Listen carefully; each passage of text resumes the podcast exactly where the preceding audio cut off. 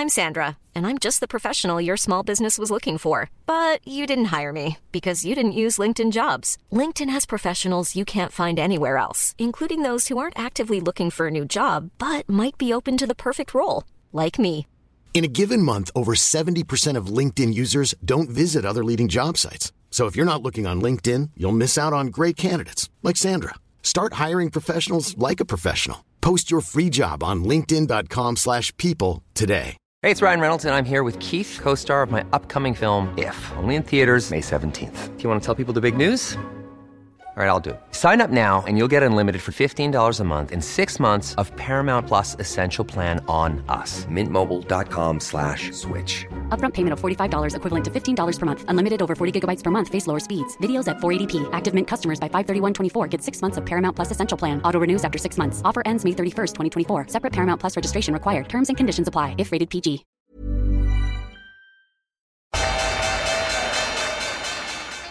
They mistook leverage for genius. Leverage for genius. I would recommend Japan. The governments don't rule the world. Goldman Sachs rules the world. 50. Jeg tenkte akkurat det. 50. episode. Velkommen til en 50. episode av podkasten 'Tid er penger'. Det er omtrent så spesielt. Vi, vi kom på det idet vi trykte på, på start. Vi kan gjøre noe spesielt på nummer 100. Eh, I dag skal vi snakke om litt forskjellige ting. Eh, vi skal bl.a. snakke om markedet. Det har begynt å sparke litt i alle retninger. Eh, norske kroner er også ganske utsatt. Vi har eh, eh, en del nyheter om Eller det er snakk om hedgefond. Eh, det er veldig spesielle posisjoneringer i VIX. Eh, mye snakk om bitcoin i Norge. Norwegian får internasjonal oppmerksomhet. En ny spalte vi skal prøve oss på. Eh, og så har vi eh, masse IPO-er i veldig store summer og blitt prisa ut. Eh, Tesla er for alvor i vinden igjen. Og Vistin, litt 1MDB og en artig sak til slutt. Så da har du sånn cirka oversikt over hva vi har tenkt å snakke om i dag. Eh, før vi eh, eh, går i gang med den 50. episode, så skal vi presentere partneren vår i podkasten, som er IG Markets. IG Markets er en nettmegler for private investorer, primært kanskje tradere. Eh, og hos IG kan du handle et bredt spekter av markeder. Norske utenlandske aksjer, like lett å gå lang som short. Du kan også handle eksotiske råvarer eh, i alle mulige aspekter. Og eh, du kan selvfølgelig handle alle valuta, statsobligasjoner. Du kan handle da krypto like lett både long og short. Og nå har de også introdusert to nye produkter som er to forskjellige opsjonsprodukter. Det kan du lese mer om på ig.com-no. Eh, der står det en del om de nye produktene. Det har vært mye snakk om det. Eh, vi har en liten samtale. Vi har vært for ikke så altfor lenge siden i Stockholm og snakka med Erik Hansen fra IG Market. Så her er et lite utdrag fra samtalen som spilles sin helhet i slutten av episoden. Eh, Men du går inn med et lite mindre kapital, drygt eh, 10 beror på litt grann hvilken aksje det er. Jo högre volatilitet, desto högre marginkrav då. Uh, Men, uh, och, och som det fungerar. Ja, da er vi i gang. Markedet har uh, Det har vært mye som har skjedd de siste to ukene. Og jeg tror Jeg vet ikke, du kan Kanskje det mest spektakulære er posisjoneringa i VIX, men det kan vi kanskje ta etterpå.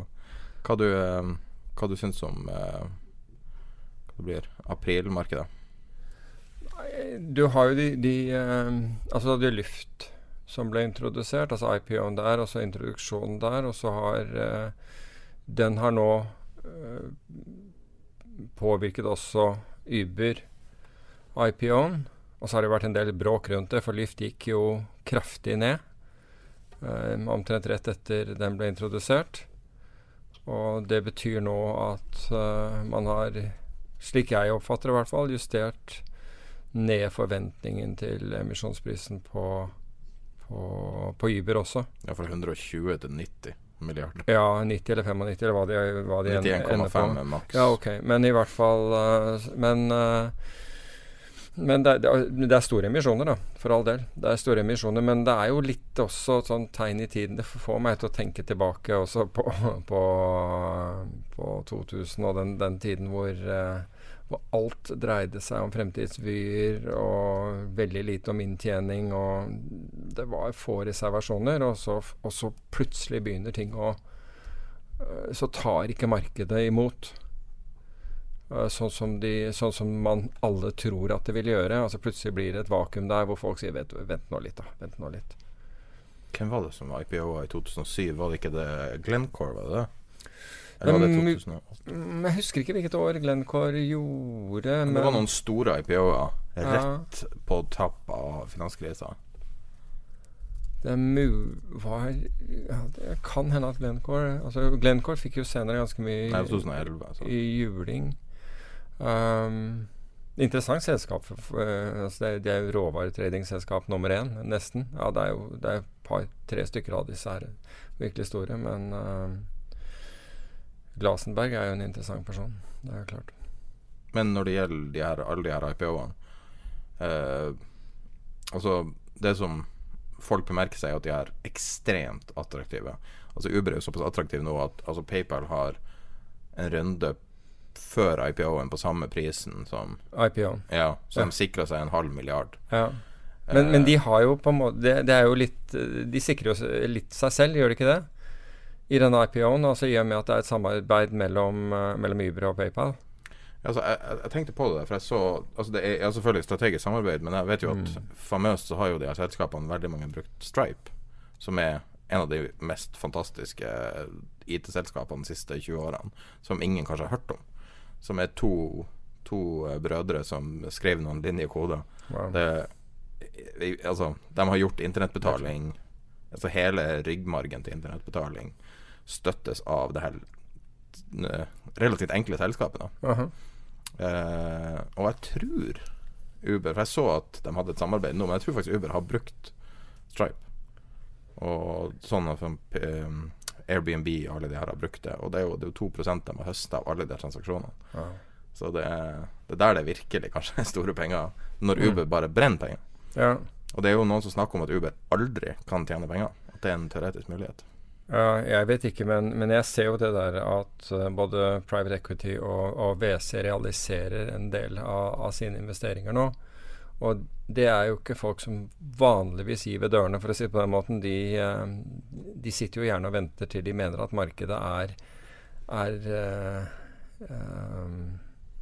vel optimistisk, altså hvor de får veldig godt betalt for det de, de driver med. Og jeg husker jo ved forrige, forrige eh, forrige nedturen, altså finanskrisen, så var det jo Jeg snakket med, med noen eh, Med en gruppe de Ja, de bør kalles private equity. um, hvor de misset muligheten der og trodde de hadde liksom Altså, det kollapset jo hele altså De var no time. altså fra De var i forhandling, var helt i sluttforhandlingene, og så kommer dette. Men så fikk de, fikk de en ny mulighet, altså når kvantitative lettelser, og fikk enda bedre betalt for det. Men, eh, men, de, men poenget er at disse folkene er flinke til å, å De er ganske flinke på, på, på, på timing. Viser seg at de er det. De forstår når, eh, når noe prises langt over det det burde være priset. Så ser du at de benytter som regel anledningen til å, til å, å, å selge seg ned. Men du det- ser på IPO-en til Uber nå. Mm. Syv, nei, 29 banker pluss Liden. Ja, fantastisk. ja. Det har jeg aldri sett før. Jeg har aldri sett noe i nærheten av det før. Det kan være at det eksisterer, men Tenk på Ikke- honorarene. Oh, ja, men Tenk på den informasjonen. informasjonen. Ja. Altså den kollektive informasjonen. ja, ja. Hva- er det de kan se av Altså Det store problemet er hvor mye Altså De la jo åpenbart nok av penger ligge på bordet. mm. Siden, Ja, ja. siden det var snakk om 120 Helt milliarder. klart. Men hvor mye markedsinformasjon kan de ha? Altså sånne som Altså er det Morgan Stanley tror jeg som er lead på den, tror jeg. Morgan Stanley er jo blant annet eh, en av meglerhusene, eller investeringsbanken om du vil, som maner til forsiktighet om dagen. Så det er jo interessant. Altså nå tenker jeg generelt. Ja. Som har, har gått ut og sagt mm, dette markedet her er eh, Vet vi ikke helt om vi, om, om vi ser uh, grunnlag for. Og da, Ja. nå snakker jeg generelt, og nå snakker jeg ikke om, om, om Uber. Jo, men Uber er jo liksom på en måte det mest volatile Altså Uber IPO-en er kanskje det mest volatile elementet som finnes nå. Ja, mulig. Altså Det er liksom som et derivat av uh, Derivat av viksen, liksom. Altså det er helt Så sånn sett så får vi virkelig håpe at den går bra. Ja, jeg, jeg tenker at det er den viktigste IPO-en siden Facebook. Altså Den Facebook-IPO-en var jo helt notorisk Ja, jeg husker den. i forkant, og selve gjennomføringa var jo Mm. Og det viste seg jo kanskje på lengre sikt å ikke være så viktig, men det kan jo også være pga. at det gikk bra. Ja. At Ja, ja. man fikk litt troverdighet til til IT-selskaper som fortsatt ikke var så veldig bevist. Eh, ellers så, så har du jo eh, Du har jo noen skikkelig bluechipper som, som går dårlig nå. 3M, for eksempel. 3M, ja. Ja. Som eh, eh, helt Altså, verst Nei, overskriften jeg så det Verste dagen siden 1987. 87. Ja. Og det, det, jeg fikk nesten sånn frysninger ned ryggen, for de må jo ha noen forferdelige dager i 2008, som er da Exide på all time high. Ja. En av de største bluechipene som er. Ja. Som lager tape og alt mulig slags Ja. Men, staples, det- men liksom. det er jo også utfordringen med, med denne all time high, nå snakker vi om det amerikanske markedet, er jo at eh, veksten er fallende. Inntjeningen er fallende. Inntjeningen, altså den inntjeningen vi har sett uh, til nå, altså på selskapene, er den laveste på tre år. Altså inntjeningsøkningen. Og jeg så Nordea forleden skrive at de trodde at det ville, at det ville bli inntjeningsresesjon. Med andre ord en nedgang i inntjening mens aksjekursene eh, stiger. Og det er én ting til som stiger, og det er gjelden. Mm. Så gjelden er opp, aksjekursen er opp, og inntjening både på uh, global basis, altså hvis du sier bruttonasjonalprodukt, altså globalt, og, og på selskapene er redusert. Altså inntjeningsveksten er, er kraftig redusert og kan ende i resesjonen hvis Nordea har rett når det gjelder eh, selskapene. Og det er klart at det er jo Det er jo ikke Altså, jeg tror jo at vi er i en Vi, vi nevnte jo Hyman Minsky sist, så skal ikke ta han opp igjen, men, men eh, det er en form for kognitiv lukking, altså det der hvor man, vi nekter å ta inn annen informasjon enn den som er til fordel for oss selv, til tross for at den er rett foran oss. Og sånn har vi egentlig hatt det uh, tidligere, når, før det har gått galt også. Vi har det sikkert ofte, oftere enn bare når det går galt. Men uh, det er jo en sånn form for kognitiv, helt opplagt kognitiv lukking, fordi du, folk vil ikke snakke om det, og de vil bortforklare det med andre ting. Og nå så jeg det var referert til, og dette mener jeg var Finansavisen som refererte til at øh, Og øh, økonomen i Terra, som det står helt stille for meg, øh, hjelp meg. Andreassen. Ja, Andreassen, men fornavn. Jan Andreassen. Jan Andreassen. Jan Andreassen, La oss få han inn. Jan Andreassen Altså, han ble da kritisert i en Det er jeg som skal være syk her, ikke jeg du. vet det. I en, i en, i en debatt hvor uh, det blir vist til hans uh, spådommer for boligmarkedet, og liksom hvor opplagt det var at det skulle stige. Alt er opplagt i ettertid. Alt er opplagt i, i ettertid. Det var, det var krakket, altså det var, det var nedgangen i 2008. Det var jo ingenting som egentlig skjedde der som ikke var opplagt. Altså boligboblen i USA og, og, og disse bolig, eh, boligobligasjonene og belåning av lån. Altså du låner på lån på lån på lån. Var jo helt opplagt. Alle ville jo si det i ettertid. Men de så det ikke når det skjedde. Så når, når en av han sitter på, på, på, på scenen og kritiserer eh, Jan Andreassen og sier at liksom, se, du har jo tatt til de grader feil. Ja, etter at, etter at det har vært ti år med kvantitative lettelser som har liksom drevet opp alle finansaktiva og, og, og, og eiendomsverdier, så er det jo helt opplagt, det. En ting som plager meg med at folk som sier Men du har jo tatt feil, implisitt. Du hadde feil. Når det kommer til spesifikt boligmarkedet-argumentasjonen, Mm. Det at, du, at markedet kan være eh, Hva heter det eh, Irrational longer Irrational, det var. Ja, longer than you can stay solvent, ikke Ja. sant? Og, eh, praksis Altså mitt syn på boligmarkedet siden kanskje 2005 har vært negativt. Jeg har tatt Mm. feil uten noen transaksjoner. Jeg har bare vært skeptisk til prisinga siden 2005. Bare basert på at hvordan skal de her tingene betales. Mm. Fordi at det følger ikke lønnsveksten i det hele tatt. Det er bare totalt Altså, de to tingene korrelerer på ingen måte. På et eller annet tidspunkt må Ja. det korrelere med de pengene du bruker av lønna di for å betale. Og eh, hvis du så, så du den grafen jeg delte i Vi har jo flere chatter på Facebook-gruppa. Den hovedchatten som, som heter 'Tid er penger'. Så delte jeg en graf eh, Jeg så det bare på Twitter, jeg syntes det var interessant. Eh, som var Fed balance sheet som korrelerte med SMP. Aha. Og det, korrelasjonen var rimelig perfekt. Det så nesten ut som det var overfitta. Ja. Helt til 2017. Der spriker Der balance sheeten begynner å, å levele off og, og gå ned litt. Uh, og SMP åpenbart da fortsetter. ja, nettopp.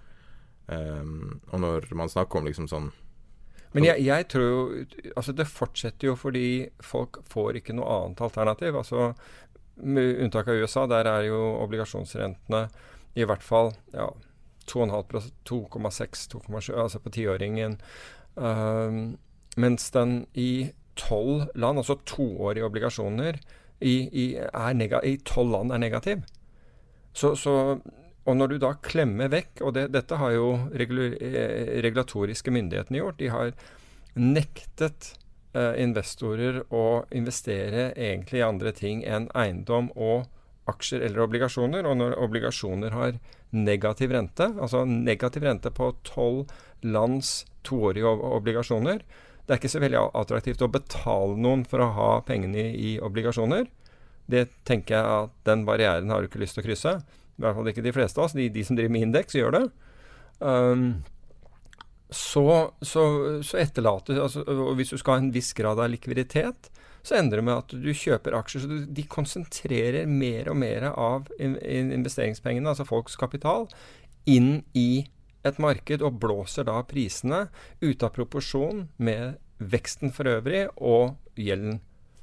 En av de tingene som har skjedd siden 2000, det er jo det at den, det som da var på en måte mannen i gata investerte, veldig stor prosentandel av amerikanske børser, norske børser, var enkeltinvesteringer til norske investorer eller utenlandske investorer på de forskjellige børsene. Mens nå har man i større og større grad pensjonspenger og indeks, indeksing, altså Ja. ETF-er i praksis.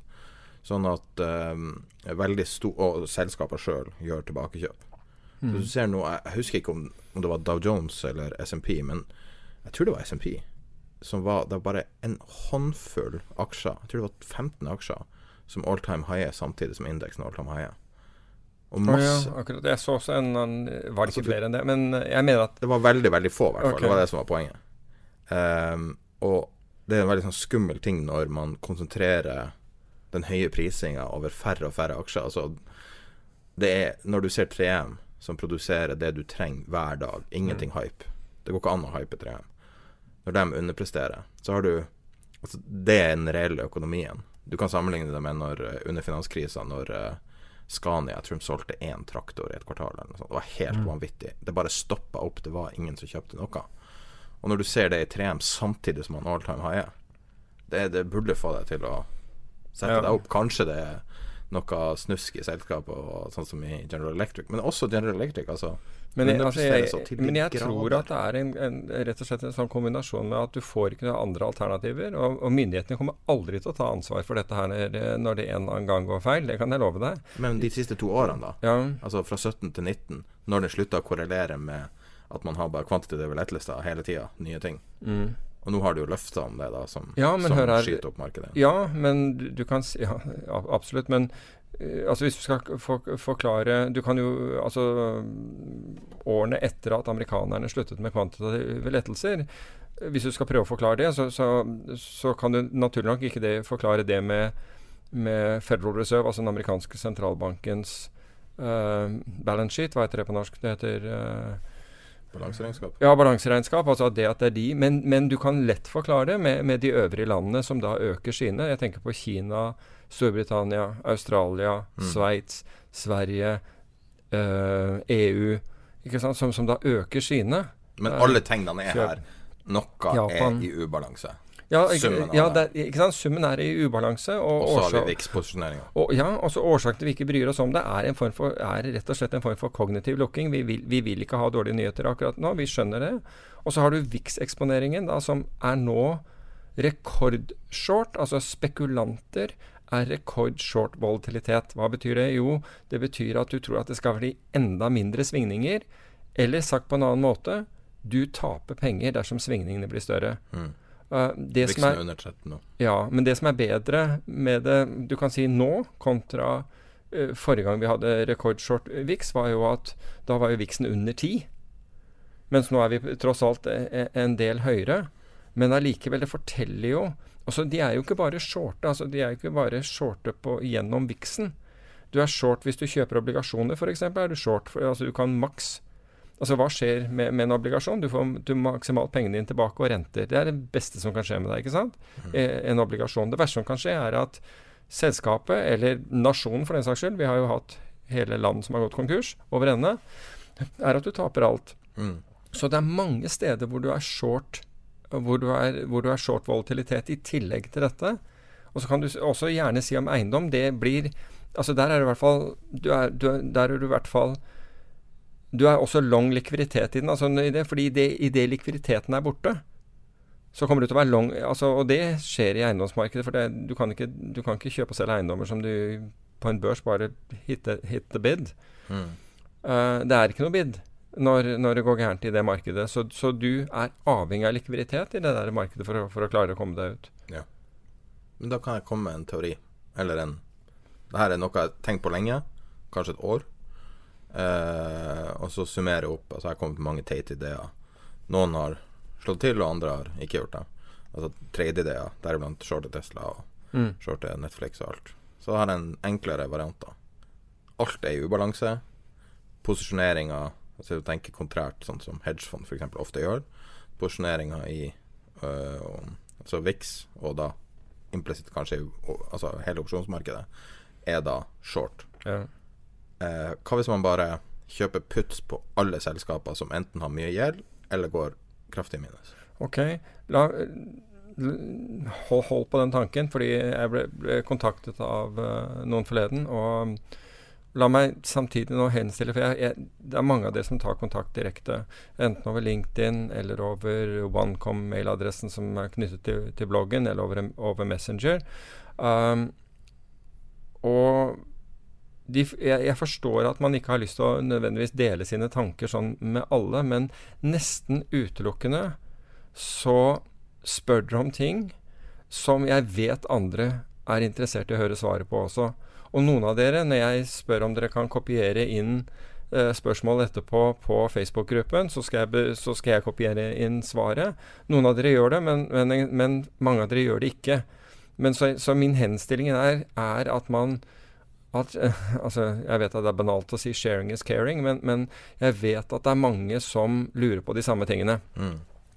Så, så mer konkret, den, denne henvendelsen var da fra en, og han hadde da et, uh, laget en, et system, uh, hvor, eller kall det en modell, hvor han kjøpte hver måned kjøpte put-opsjoner uh, på, på, på Oslo Børs. Og gikk da glipp av Det var like før jeg fikk en glipp av 290 ganger innsatsen her i, i desember. Men altså like før altså jeg, jeg, Verden er full av like før.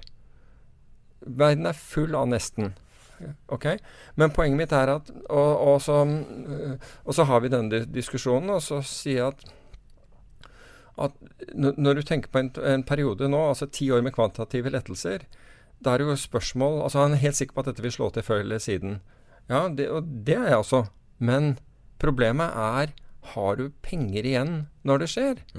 Og hvis du går og kjøper deg salgsopsjoner f.eks. som dette her, da, hver, hver måned eller hver uke eller hva enn du, du gjør, så, altså, så brenner du penger altså, når de, Så lenge det ikke slår til, så brenner du penger. Så du må ha veldig dype lommer for å kjøre en ren sånn strategi. Ja, men du skjønner forutsetningen nå, Jo, men tenker jeg. Timingmessig kan jo, være jo, jo, det kan være Altså, jeg Du kan si at timingen er det vanskeligste av alt. Jo, å bruke Og jeg, altså min erfaring var at jeg veldig ofte hadde rett på hva som skulle skje, ja. men jeg, jeg ville ligge i forkant.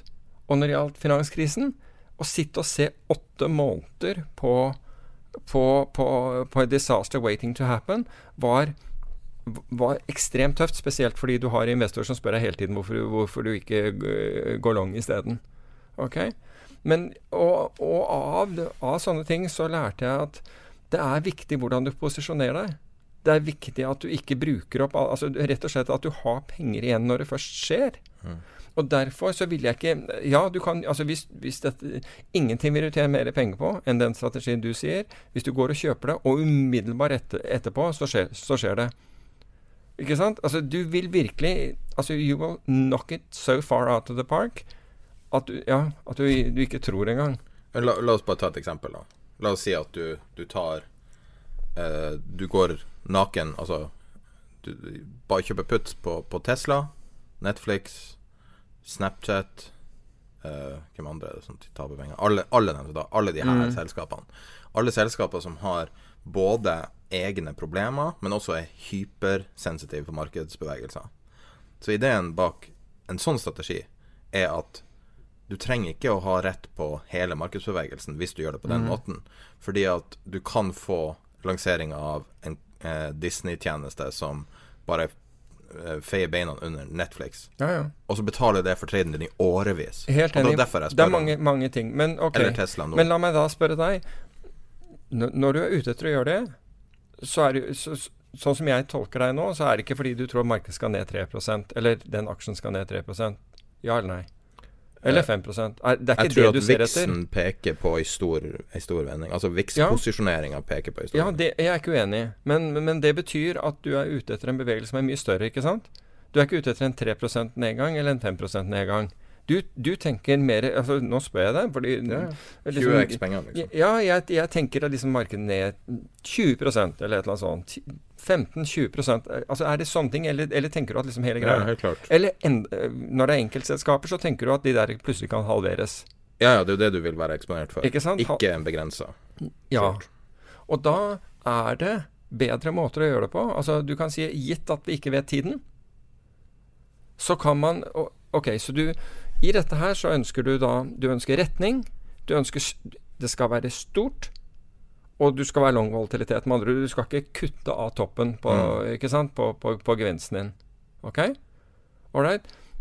Istedenfor å bare kjøpe Altså, putte vil, vil virke fantastisk, som du sier, men timingen blir en issue. Og hvis de forfaller, så må du kjøpe nye, og hvis de forfaller, så må du kjøpe enda flere. Og ikke sant? Og du, du må Altså, du har ingen cash in.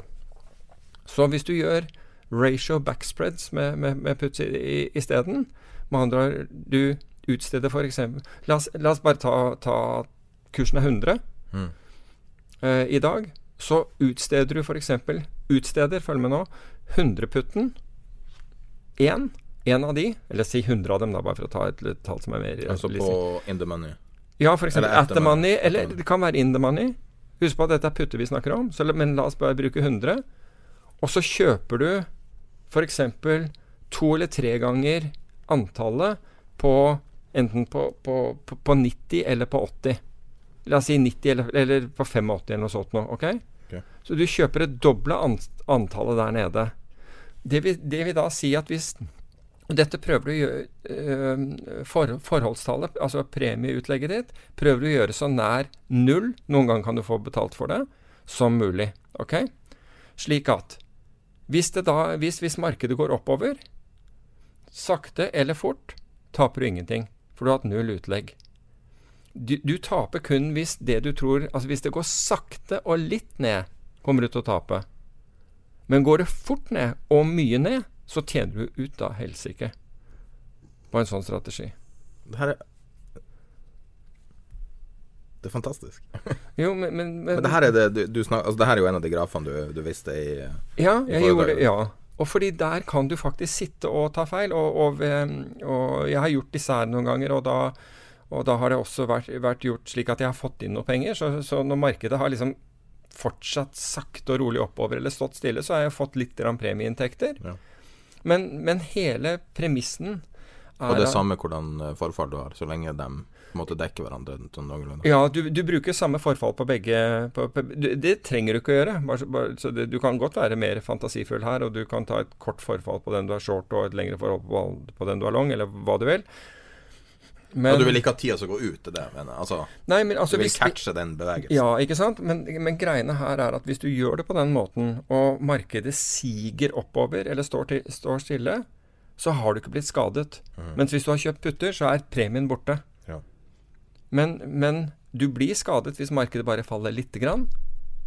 Men du sier at det er ikke det jeg tror på. Jeg tror altså Enten så er, enten så er alt ålreit, Uh, og dette bare fortsetter oppover. Men da blir du i hvert fall ikke skadet. Men går det skikkelig til nedsiden, da eier du Da eier du Liechtenstein. Da, da begynner du å by på Liechtenstein. Altså da, og, og, greiene her at det er ikke cappet, det er ikke vanskelig å tre det ut av når du har den på, på, på, på den måten. Sånn som f.eks.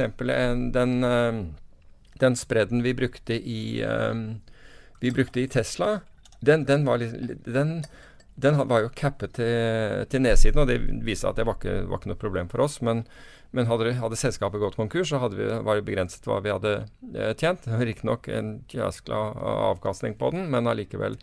Uh, så det, det, er forskjellige ting du kan gjøre. Og mm. jeg tenker når jeg ser noen gjøre den ikke egentlig være uh, spesielt opptatt av volatilitet, så jeg vet ikke om det er dyrt eller billig eller noe, og, men jeg bare driver og kjøper putter fordi det kommer til å gi en fantastisk avkastning den dagen markedet faller.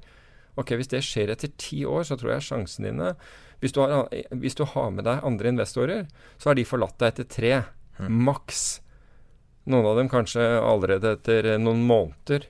Um, og en av fordelene med denne strategien, hvis du gjør det amerikanske opsjoner, ja. er jo at det er såpass tighte spredder at, at du kan gjøre det her uten, ja. å, uten å, bli knust på veien. Ja, også, men jeg tror også at hvis du hvis du bruker uh, f.eks. Uh, altså Hvis dette er Oslo Børs, da, du, du bruker blokkordredesken til Oslo Børs eller noe sånt for å kreere denne her, eller sånn, så, så, så, så, vil jo de store Altså de, de, de tre store, store markedmakerne, altså SEB, DNB og, og Sparebanken1, muligens ha uh, motpartsinteresse til en del av, uh, av, det du prøver å gjøre.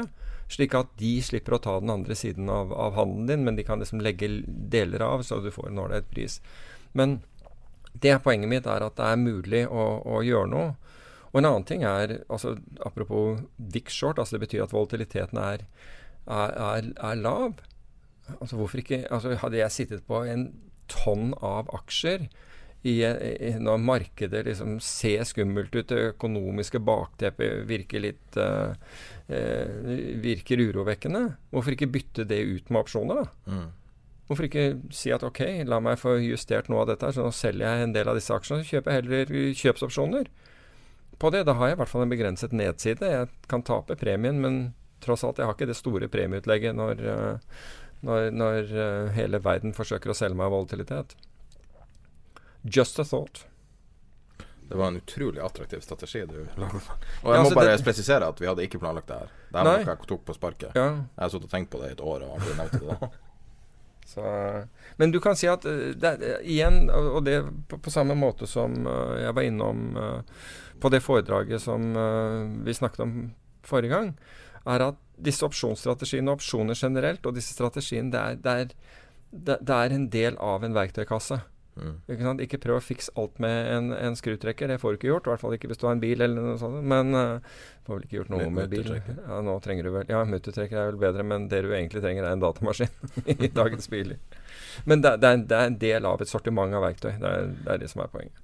Så du sendte meg en melding før at du ville snakke om norske finansforetaks digitale tilpassinger. Ja. Som høres ut som en slide fra et sånn uh, ja, kommunalt, uh, kommunalt powerpoint. Jo, jeg skjønner ikke hva du mener. Nei, uh, det, det, er rart. Altså, lange, lange treningsturer, da, da, da, får du liksom Da, da får man ofte tid til å tenke. Og jeg hadde en sånn en forrige onsdag. Og og det slo meg da at For jeg har hørt mange kritisere ja, men det, de har ikke Det er ikke gjort så mye. Verden har gått videre, og du ser at Norge har gjort veldig lite på, på, sånne digitale løsninger. Noen har Noen har faktisk investert i det. Uh, jeg vet Pareto har puttet en del penger i det, mens andre har white-labelet handelsløsninger og den type ting. Så de har ikke funnet på dem selv, for å si på den måten. Og det er egentlig helt greit. Men, men og, så har du DNB som har gjort mye på I hvert fall uh, angivelig. Ja, mange ting. Men så tenker jeg altså finansmarkedet ute, hvor de er veldig opptatt av det digitale, men de er mindre opptatt av det, virker det som, i Norge. Men, slo det meg, tilpasninger har de allikevel gjort. Til de grader. Bare se på, for det første, er at man tilbyr alle disse webløsningene. Som Det spiller ingen rolle om det er white labelet eller ikke. De dumper kurtasjen lar deg trade, trade aksjer billigere antageligvis enn det du noen gang har gjort. Men samtidig, hva, hva har, men virksomhetene, de store husene, har jo faktisk snudd seg rundt. Og, og, og alt handler nå om deal-making, med andre ord emisjonsmarkedet. Og det er en tilpasning. Mm. Man har bare sett at vet du hva, her det blir mindre og mindre kurtasje igjen på, på vanlig aksjehandel. Vi skal tilby det også. Det kan vi gjøre gjennom databaserte digitale løsninger. Bruke lite tid på det. det altså, it's just a wash-through. ikke sant? Det er, det er, helt greit at vi gjør det. Men vi konsentrerer virksomheten vår, den analytiske kapasiteten, salgsapparatet, på IPO-er. Mm. Altså på, på, å hente inn penger.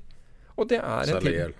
Hva sier du? Selge i hjel. Men, men, og det gjør jo at du blir veldig sårbar for den tingen, og det så vi jo i siste kvartal i fjor, hvor alle klaget over. Til og med DNB og alle disse her har et, da, eh, ifølge seg selv et veldig dårlig resultat. Men, og det er jo greit nok at de blir sårbare, men, men ingen skal si at de, egen, at de, ikke har gjort tilpasninger. Fordi de store husene har faktisk gjort det. Ja, alle utenom fondsfinans, og den forsvant. ja. Men de har bare valgt at ok, vi, vi, vil ikke konkurrere på den arenaen. Vi konkurrerer på denne, som er IPO, altså innhenting av kapitalarenaen. Her tror vi at, at vi kan hente marginer. Og det er en tilpasning som du, som du kan si hva du vil om det. Jeg mener at det er en tilpasning, og det står respekt av. Men hvis du tenker tilbake da, fra min barndom, eh, 80-tallet, og altså det kroneksempelet er vel VIP Skandinavia, har det ikke alltid vært en sånn selgerkultur i norsk finans? Jo, Altså ikke noe analyse, Nei. ikke financial uh, Altså engineering, liksom? Ja, det har nok vært, vært selgekultur, bortsett fra i bankene på valuta, men det er, det er jo borte for, for, lenge siden nå. Men norske banker var store i internasjonal sammenheng i, i, i valutahandelen. Da Håkon Christoffersen ledet uh, det som da, den gangen het Kredittkassen, på, på, valuta, og Birger Langeland satt i, i DNB som sjef, så var Norge regnet Altså, da hadde Norge eh, et bra eh, Ryktet høres litt tendensiøst ut, det var ikke meningen å, å, bruke det, men de hadde bra renommé mm. i, i, det internasjonale valutamarkedet. Hva frykta? Hva sier du? Hva frykta? Ja, men altså, de var gode. De var flinke. Og det, det, det er storheter som, som liksom er helt ute av markedet. I dag så, så henter man ikke sant, I 90% av tiden så bare henter man prisene til eh, JP Morgan eller Barclays eller et eller annet sånt, og så legger man en margin utenpå det, og så kaller man det eh, valutatrading. Det er jo ikke det. Det er jo gratis penger. Det er alt det er. ja, altså, det er jo en ting som, gjør, som, skjer nå i Norge, innovasjon, apropos innovasjon, da, med litt sånn outsidere, og det er den uh, nye bitcoin-satsinga som jeg snakka om. Mm. På en måte kan man jo si at timinga er veldig fin. Nå har du den samme karen, han der uh, Torbjørn Bull Jensen, som har det beste navnet for å drive Som eh, eh, Og så har de eh, Børs Lind i, i Danske Bank er ikke dårlig det heller, altså. Men, eh, men, ja, Bull er kanskje Det blir ikke bedre. Men Kjetil Skorstad, hvem er det igjen? Kjetil Skorstad, han, eh, han var jo Han var jo megler som forsvant ut av ut av meglerforetak og ble inn Først så øh, Han gikk da til å forvalte pengene til en nå Eller en eiendomsinvestor, men forvaltet i aksjemarkedet. Og deretter til å begynne å, å, å handle for seg selv. Okay. Og Christian Lundqvist er også Ja, han, han kjenner jeg ikke, men, uh, men, Og du tenker i dette Arcane krypto? Ja, og så har de han, han, Vi prøvde å se hvor han, uh, hvor han uh, Torbjørn Bøhl Jensen hvor han var. For vi begge husker å ha sett han mye det siste året. Ja, for han dukket jo plutselig opp. og det, Nå kan det være at eh, han er mer kjent enn det jeg tror, men han, jeg syns at han dukket opp uh, i forbindelse med når kryptomarkedet gikk som verst. Altså den der, uh, men da mener jeg at de skulle dra i gang et eller annet sånn der som skulle investere i krypto. Og Ja. så kom Jeg også, men så jeg kom- fant bare han fra om. Ja, og så kom den smellen. Altså så kom kursfallet innenfor krypto, altså, som startet da i av Nei, i begynnelsen av fjoråret. Eh, og, så, og da forsvant på en måte Da hørte du ikke noe mer om det. Men nå dukket de opp Nå så jeg på forside på, på Dagens Næringsliv hvor nå skulle man begynne med kryptoarbitrasje. Mm. Og det var litt interessant, fordi um, forrige gang så snakket vi om at det fantes 17 av de, verdens største marketmakere som driver med det samme. Mm. Og det er altså grei, gre- det Det er to investorer og en kar som ja, altså, økonom. Du kan si ja, men, du, men hadde ikke han skrevet en eller annen ja, master, master, masteroppgave Ja. om bitcoin? Og det kan være at han vet fryktelig mye om bitcoin, men mye vi, vi hvis du skal begynne arbitrasje i kryptomarkedet, så handler ikke det om hva du kan om bitcoin. Eller det kan sikkert være viktig, det òg. Det handler om matematikk, statistikk og ganske så dyre dataløsninger. Fordi du må være hurtig. Mm. Nå, altså, for ett år siden så Da så du de som begynte med det, tjene vanvittig med penger. Men allerede nå, med Backed, altså disse nye børsene som da er til for institusjonelle, så har Altså, når du har Citadel, DRW, Virtue Altså all the big guys i dette her Det er jo high- alle high frequency-folkene, det. Ja. De er der allerede. Jeg har vært på hovedkontoret til Vir- Virtu, tror jeg de heter. Er det i USA? Ja. Ok. Traff du. Dag Sifu? Nei, jeg fant Nei. ikke. Men i hvert fall Sånn som eh, et tannlegekontor. Nei, men Poenget mitt er at nå ha handler alt om uh, co-location, cross connection. altså Det nytter ikke altså Du må ha det hurtigste av det hurtige. Du må være co-lokert. altså Med andre ord, datamaskinen din må stå uh, ved siden av den datamaskinen som, uh, som hvor kryptohandelen foregår. Det må i tillegg være cross-connected, direkte glasskabler mellom den og maskinen. Mm. Altså, du altså, det, det, Men for ett år siden ja, men det, ja, for Du kunne skjermarbitrere, da. for et år siden kunne du det, men nå er, er the big guys der allerede. Og slik at nå dreier ikke det der seg om at du kan eh, Ether og IOTA og disse, disse andre. Nå handler det om matematikk, statistikk og hurtighet. Altså Mm. av det at du er god til å skrive kode. Det sagt, det sagt, så har både Skorstad og Lindqvist, som du nevnte, de, er, de har jo De eier noe av dette Abley som, som nylig Kjell Inge Røkke eh, kjøpte seg inn i. Og, men de driver med valuta. Ja. Men de, er, de gutta De gutta er smarte nok til det. De er smarte nok både matematisk og når det gjelder å skrive kode, statistisk, og når det gjelder å skrive kode, så, så kompetansen fins. Det bare fins i to, i, i to ulike miljøer her. Altså, det er Altså, du, vi, vi, kan, vi, vi må ikke snakke ned det her. Nei, Vi skal ikke snakke det ned, men altså, poenget mitt er Jeg, jeg vil bare illustrere at, at i dag Altså, vi, du, kan, du kan sikkert arbitrere i krypto, hvis du, men du trenger, du trenger eh, Altså, du trenger ikke informerte eh, eh, spekulanter. Altså, du, du må finne de dumme spekulantene der ute, de som ikke aner at det, dette handles på andre steder. Ja. Du, det er de du må finne, fordi Men husker du Kina-arbitrasjen? Ja. Eh, Bitcoin i Kina, bitcoin i dollar. Ja. Tidvis kunne det være Ja, ja. 150 dollar forskjell Ja, ja. Men nå, på ny, som sagt nyhetseventer. ja, men Altså 20% spre Altså, det var voldsomt, helt vanvittig. Voldsomt. Men takket være, takket være disse nye børsene som er kommet på banen, og ikke minst at eh, the real bitching dudes, Mm. the real players, allerede er i det markedet, så er ikke dette penger på gaten.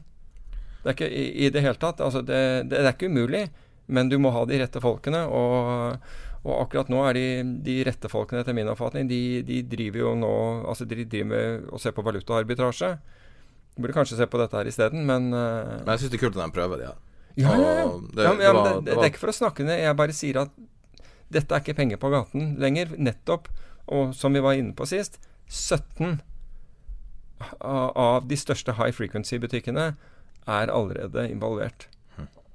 Og det er ikke folk som, som gir, gir, eh, gir bort penger. Altså.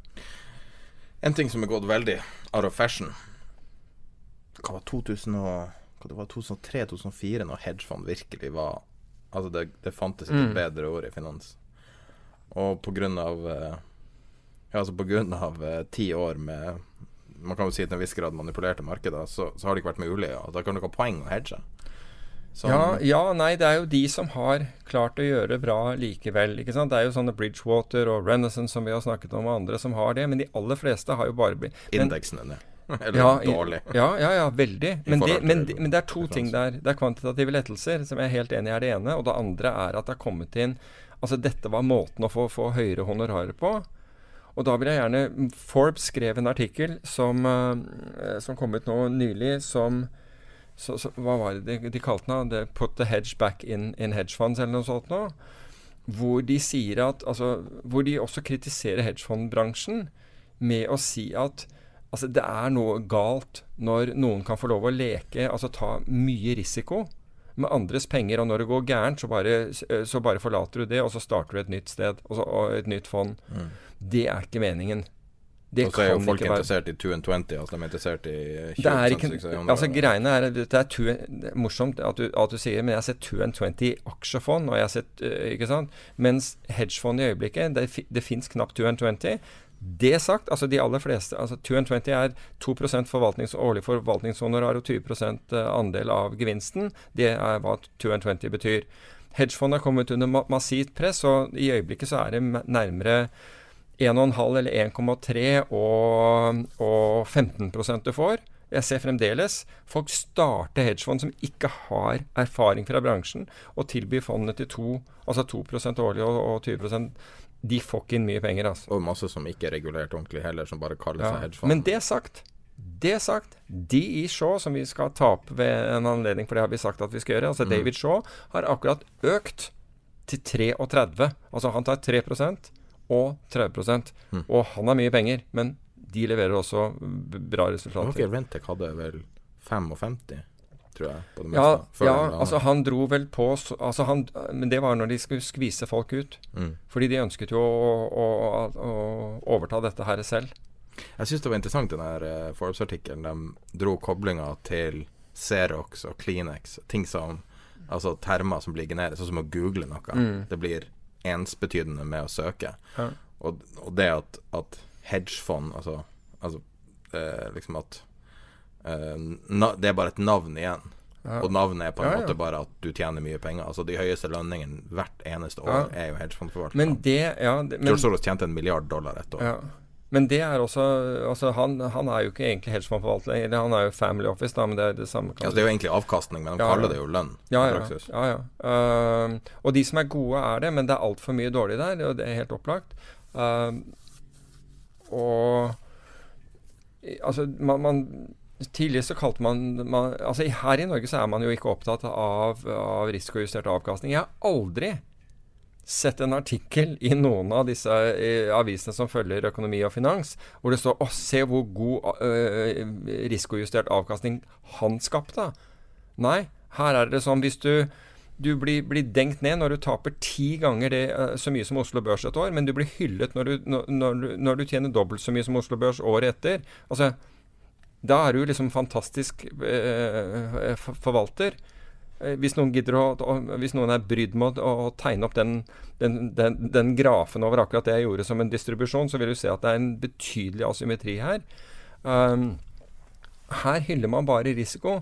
Men det som er viktig med, med Og det fins gode fond i Norge, det gjør det. altså virkelig, Jeg har analysert noen av disse her, og jeg ser at, at det fins forvaltere som, som ganske eh, konstant har levert god risikojustert avkastning. Men det er aldri det som blir påpekt med, med disse her. Er det fordi at det nominell høres ikke så bra ut, hvis du sammenligner med helt Kan sånn være, men, men det er helt inntil man liksom man, man må tenke på at hvis du kan få en Altså når, når vi diversifiserer, når vi kjøper obligasjoner og aksjer og har det i samme portefølje, så gjør vi det for vi ønsker ikke, Så gjør vi ikke det fordi vi tror at obligasjonene skal gi like høy avkastning som aksjene.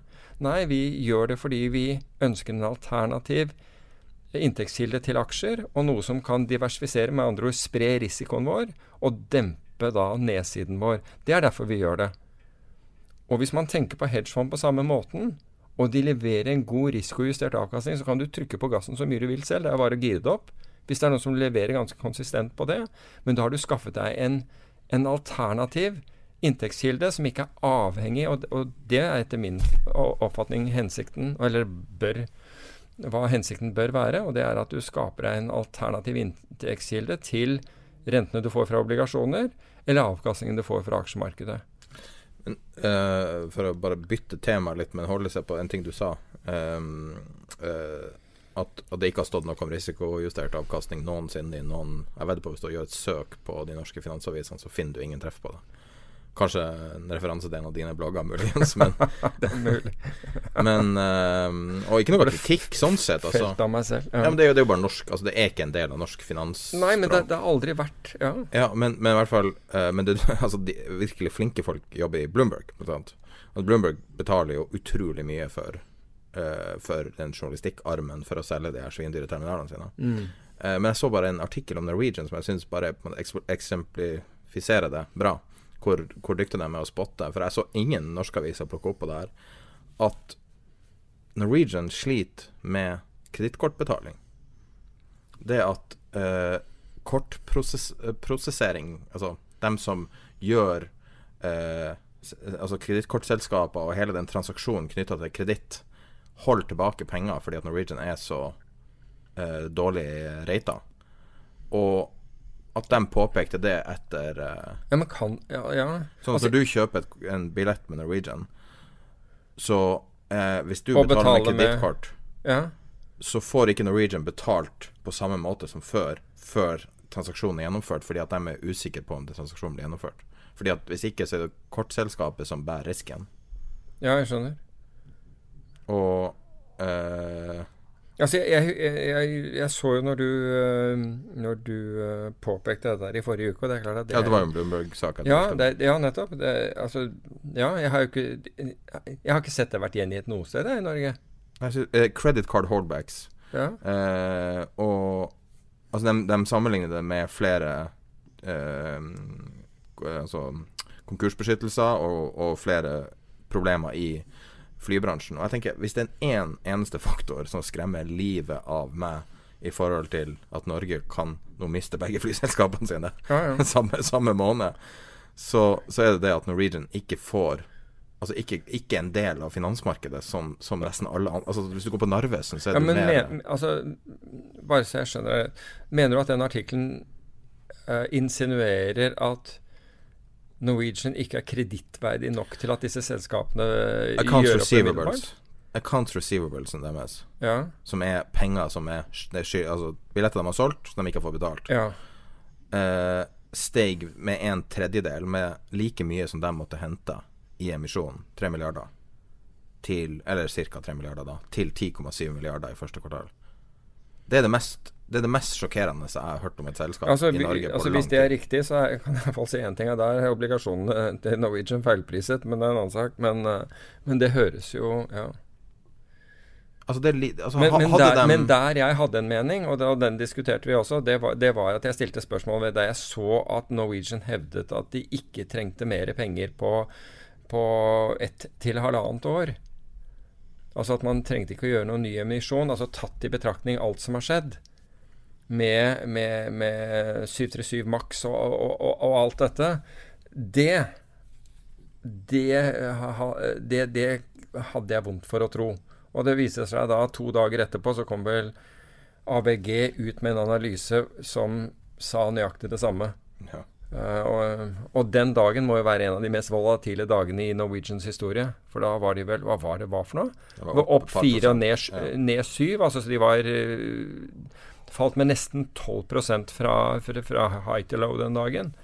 Så, Men altså, nå, nå syns jeg det her begynner å bli tragisk, altså, virkelig. Og så har du SAS-streiken på ja. verst tenkelig tidspunkt. Ja, virkelig. Og du har seks timer ventetid på telefonen på SAS. Så jeg tenker nå at det kan jo virkelig, virkelig realistisk sett være at begge selskapene forsvinner, og at vi får Lufthansa og Ryanair inn som tar over alle ruten. Jeg tror jeg kan leve med Lufthansa, men Ryanair, da tror jeg Men er det ikke nesten altså, Da tror jeg, altså, da tror jeg ror over, over til, til, England. Altså. ja, men altså Seriously. Ruten har jo en verdi, så det kommer jo noen andre, selvfølgelig. Ja, ja. Til tredoble priser. Ja, nettopp. Det er akkurat det. Jeg tror ikke det der kommer Så til å Widerøe blir sikkert tatt med i dragsuget Ja. hvis det her skjer. Og Miljøpartiet De Grønne kommer til å elske det greiene der, men fordi det kommer, kommer til å redusere antall eh, ja, det, men det vært norske som flyr. Nei, det ja, det ville være en Hvis tragedie. du avvikler, hvis du avvikler taxfree-ordninga, så tror jeg du reduserer flytrafikken en hel del. Altså. Ja, men, vet, ja, men det, det, vet du hva? Den taxfree-ordningen, det er ikke så billig, vet du. Det er jo bare tull. 40 av all, Nei, nei, nei. all alkohol i Norge Ja, det, det kan godt hende, men det er fordi folk tror det er billig. Ja. Det Det fins røverkjøp, men det er langt mellom, altså. Ja, men det er det. Det er det. Men apropos det, da. Jeg har en teori på hvorfor norske kroner svekker seg så mye. Noe du er uenig i, tror jeg. Og det er taxfree. Nei, men du, du kjenner det, taxfree. Eh, amerikanske, uansett hva i finans, kaller kroner for Scandis. Nei, de, Scandis er, eh, er alt som skjer her oppe. Ja, men det er det- jeg mener. Altså Når de snakker om norske og svenske kroner, Ja. så er det under ett. Du gidder ikke å gjøre en, en analyse for det. Ja. Og så har svenske kroner vært svak, mange gode strukturelle grunner til det, og så blir norske kroner dratt med i dragsuget. Ja, altså det er en teori. Og det, og, men, men altså jeg sier ikke at ikke det er, er tilfellet. Um, det, men om det Altså det er én forklaring, men om det er en komfortabel forklaring i mangel på noe annet, vet jeg ikke. Det kan være at det er riktig. Jeg sier ikke at, de, at det er feil, men, men jeg, jeg klarer heller ikke å si at det er riktig. Nå fins det en del som handler fond der ute som handler norske mot svenske kroner. Og, men, og, men du kan si at på basis av korrelasjon, men, men eh, kausalitet er ikke det samme som korrelasjon. Og her kan man fort Altså økonomien til disse to landene er ganske så forskjellige. Uh, og, og jeg er helt enig, men jeg er enig i det der at alt annet like så skulle norske kroner vært mye sterkere enn det, det den er. Men poenget er at det er en bitte liten valuta. Det var en på Facebook-gruppen som sa hva med SPU? Altså eh, Altså oljefondets, uh, Statens pensjonsfond utland, salg av norske kroner. Ja, det foregår hver dag, så vidt jeg vet. Men det er ikke noen sånn himla summer. Alle vet at det kommer hver, eneste dag. Det er sånn folk bruker å trekke fram når de ikke har ja, og, og det- samme der. Og, og, og du kan si at det påvirker jo mark markeder eh, lite grann. Men jeg tror at, at det kan være at noen deallokerer i norske verdipapirer, for den saks skyld. Det kan være, altså det, de store bevegelsene vi, vi ser i norske kronen, er ofte er ofte sånn som f.eks. Goldman Sachs Asset Management, GSAM, som snur rundt. Altså Jeg sier ikke at de har gjort det nå, for det har jeg ikke noe greie på. Men når de snur, da, da skjer det ting. Men har du tilgang på volum kronehandel? Nei, men det kan du få fra Norges Bank. Det er ikke noe, noe, noe eh, Det totale handlet i kroner? Ja. Jeg lurer på om det går ned, for jeg tenker norske kroner er jo sensitive. men, men altså, folk bryr seg Altså, utlandet bryr seg lite. Det fins fond og sånn som, som, som jeg sier, som ser, driver og spekulerer litt i dette her. Men det, i det store og hele, folk bryr seg lite. Eh, Kronen flyttes av asset flows, altså store eh, Altså, det kan være det kan være IPO-er for den saks skyld som kan være med på å, å, flytte valuta. Det har vi, også sett i svenske kroner.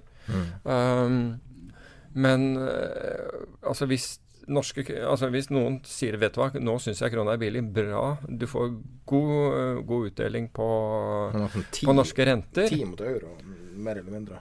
Ja, nesten. Ikke sant? Så det er jo så det holder.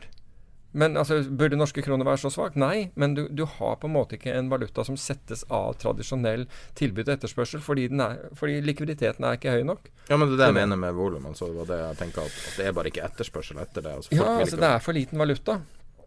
Tror, Hvor sensitive er vi hvis det kommer en nedtur nå, generell nedtur i markedet? Ja, ja det, altså du, eh, det, dette, åh, Hvem var det Jeg burde gitt de eh, det, det ble nylig lagt frem en studie på dette. Og dessverre så husker jeg ikke hvem som ha, har gjort den, og derfor så, eh, kan vi ikke kreditere den. Men jeg skal se om vi kan få kreditert det i eh, når vi legger ut, altså så, som link. Men den sier jo egentlig at eh, den norske kronen er sensitiv til en brå nedgang i oljeprisen, mindre grad til en, til en oppgang i oljeprisen bl.a. Men der fant de at det var en, en, eh, en signifikant, om ikke veldig høy korrelasjon, men det var i hvert fall en, en korrelasjon med brå fall. Så hvis du skulle få en brått fall i oljeprisen, eller brått børsfall, da, da trekker folk gjerne til de store valutaene. Så kan det gå enda verre utover, utover kronen. hva som skal til for at uh, for, Altså, norske kroner er ikke stor nok til å være en safe haven. Altså Et sted hvor folk søker, søker tilflukt. Den er for liten. Mm. Rett og slett for liten valuta til, til at Ja, du kan bli sittende. ja, den er, for, den er, for, liten. Du vil, du vil bevege den for stort. Ja. vi å nærme oss en time her. Vi, vi, har et nytt innslag som jeg gjerne ville kalle Bull og bær, og stjele det fra en podkast som er lagt ned. Peter er utrolig uinteressert i det. Så eh, Har du lest noe interessant siden siste episode? Ja, det har jeg. Men uh, jeg har lest egentlig to ting. Den, det ene er en bok om gissel, uh, gisselforhandlinger. Men det er ikke den jeg, tenker på, som for så vidt er interessant. Men den, den, andre er, er psykologen Daniel Kahneman som fikk nobelprisen i vet ikke, i hvert fall tidlig på 2000. var ikke det? I hvert fall Han ga et intervju til den israelske avisen Haaretz, det klarer jeg sikkert ikke å uttale riktig, eh, som handlet om, uh, om dette med, med, lykke kontra tilfredshet. Han skiller mellom de to. Og jeg vet ikke om dette er et utslag, men jeg tror det, av på en måte sosiale medier og den type ting. Men lykke er det vi føler her og nå. Uh, da kan vi være lykkelige. Mens tilfredshet er mer hvor Altså, for å oppnå tilfredshet, da sammenligner vi oss med andre. Altså, du trenger ikke å, å sammenligne deg med andre for å føle lykke i nuet. Men når det gjelder tilfredshet, så, så, du, så bruker vi gjerne hva andre har og normene til andre, samfunnsnormer osv., for, for å måle det. Men i det han skriver, var at så mener han at, å ha belegg for at f.eks. hvis du ikke fikk ta med deg kamera, eller altså mobiltelefonen din, slik at du kunne ta bilde på ferie, så ville faktisk mange si at da gidder jeg ikke å dra på ferie. Det, det tror jeg er det mest deprimerende jeg har hørt ja. Jo, men det går jo egentlig tilbake til, til, Jeg tror det blir sagt om Facebook. Hvis det ikke er på Facebook, så har det ikke skjedd. Og det er ganske interessant. Altså, det, begge deler er egentlig interessant for hvordan vi, vi, hvordan vi ser på dette med, med, med vår egen tilfredshet slash lykke. Mm.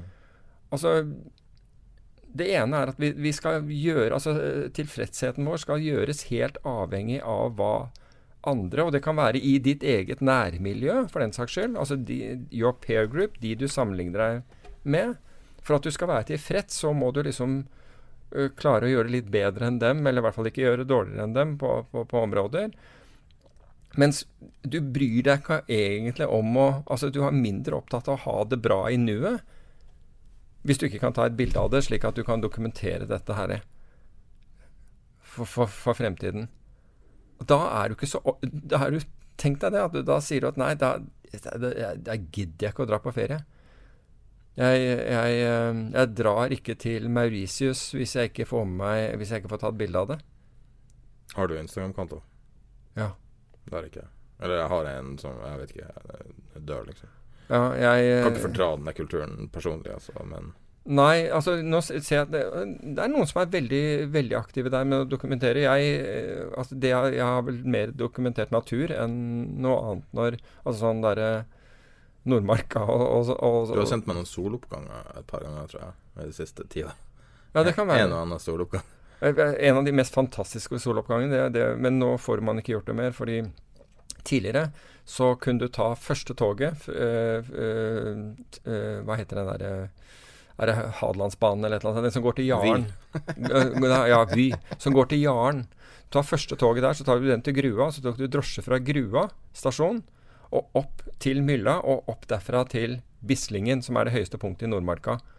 Og når jeg gikk av der, så måtte du klatre opp en sånn uh, skråning uh, i snøen.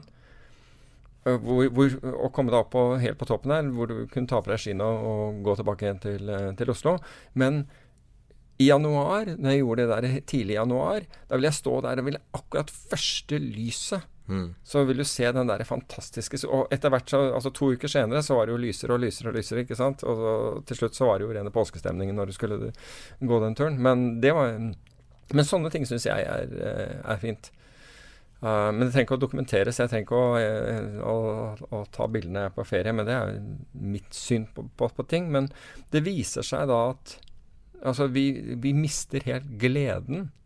Også vi klarer på en måte ikke å ta det innover oss at vi har det bra. Vi, det er ingen sånne der sanser sånn uh, hva, hva, hva, ser jeg, hva hører jeg, hva, liksom, hvordan lukter det her?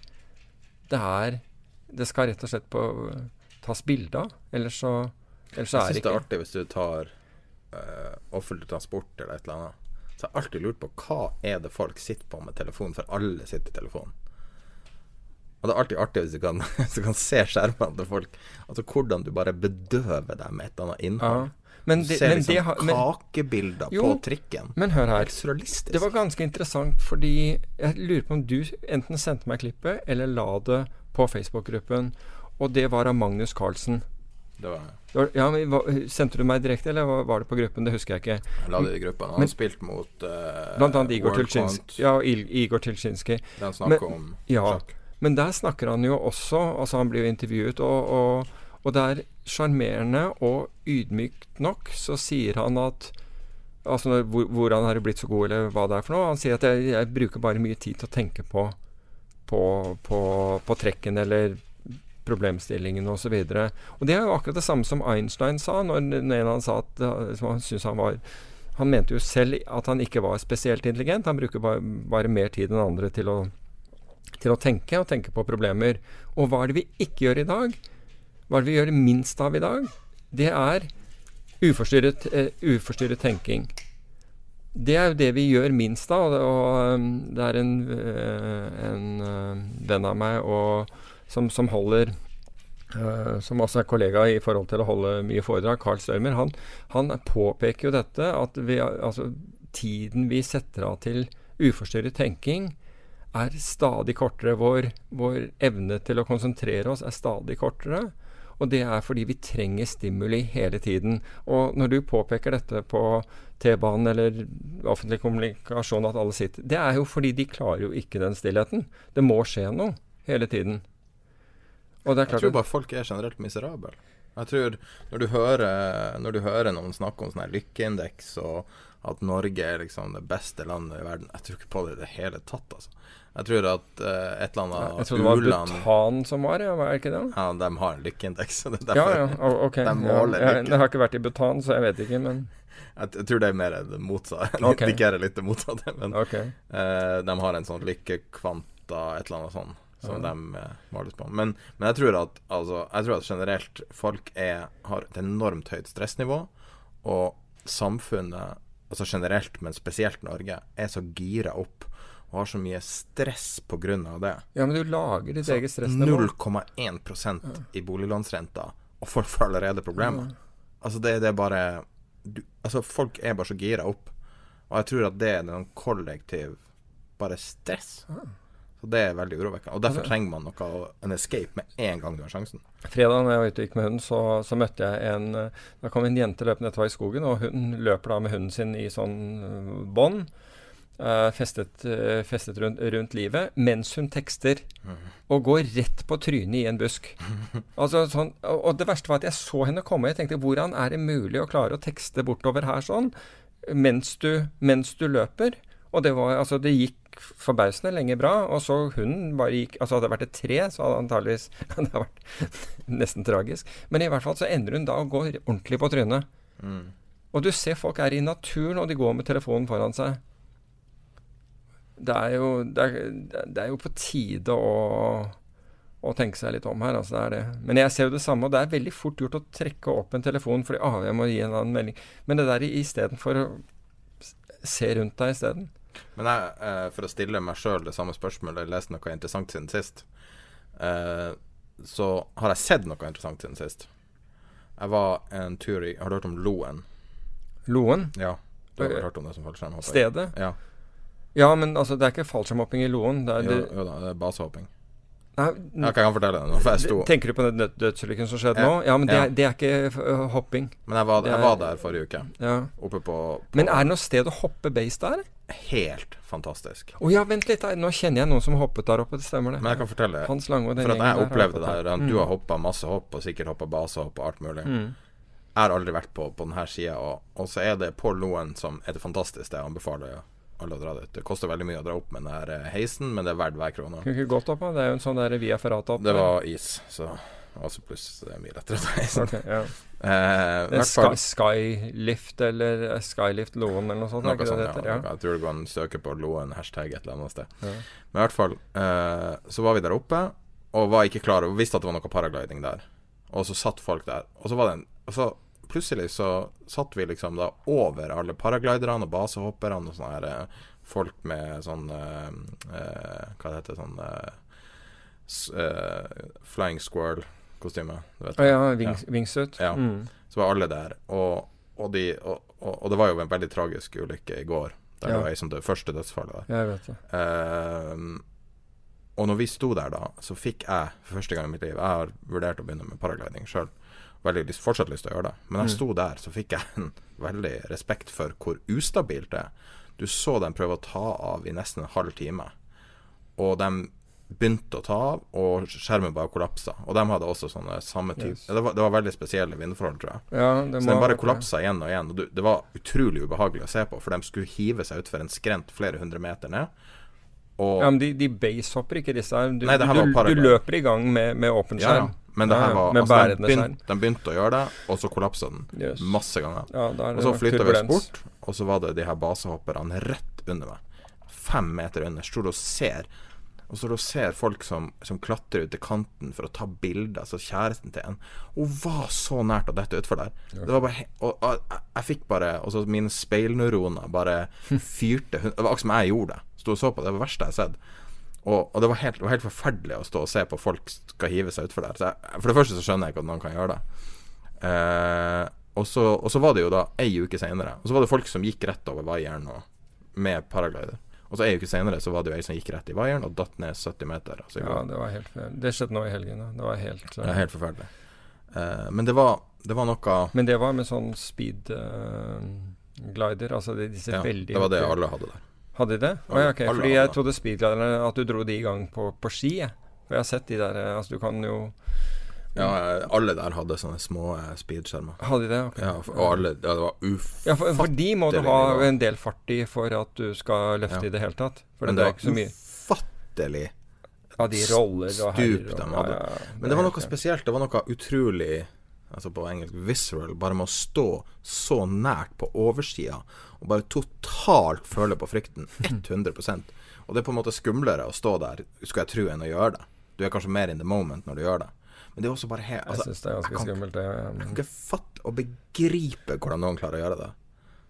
Men jeg har fortsatt, lyst til å starte med paragliding, men kanskje ikke på sånne type steder. Nei, men det kan du gjøre på en eller annen kan gjøre det på ei slette, liksom. Ja, nei, ikke På en sånn uh, dratt- strand det det Nei, du kan gjøre det Jeg jeg lurer på om oppe ved I nærheten av Årvoll, altså der hvor det er en sånn skibakke, om de Ja, Årvoll. Oversletta er den, det er der man alltid gjør sånn Ja, der er det helning ved siden av den ski, eh, hoppbakken der Ja. og sånt noe. Det er der du bruker som testdager. Tenkte jeg skulle dra på det i år. Og så hive meg med Ja, på sånn ok, kurs. der kan man prøve. For helt flatt blir jo litt vanskelig, med mindre det blåser, Ja, jeg mente det. Det er sånn flatt, ordentlig. Ja. Men uh, hvis du ser på sånn paragliding når de leker på, på ei strand Det fins jo noen sånn Jeg tror det er i uh, Portugal. Der det er sånn veldig sånn bra vindforhold, sånn at du kan ligge én meter over bakken og bare gå opp og ned, opp og ned, opp og ned, og sveve i utrolig lang tid rett over bakken. Og det er ikke kiter? Nei. det er bare- Ok. I hvert fall eh, det, var, det var noe spesielt. Det var en veldig stor opplevelse. Jeg hadde ingen Mm. konklusjon med det, men eh, det var helt ufattelig.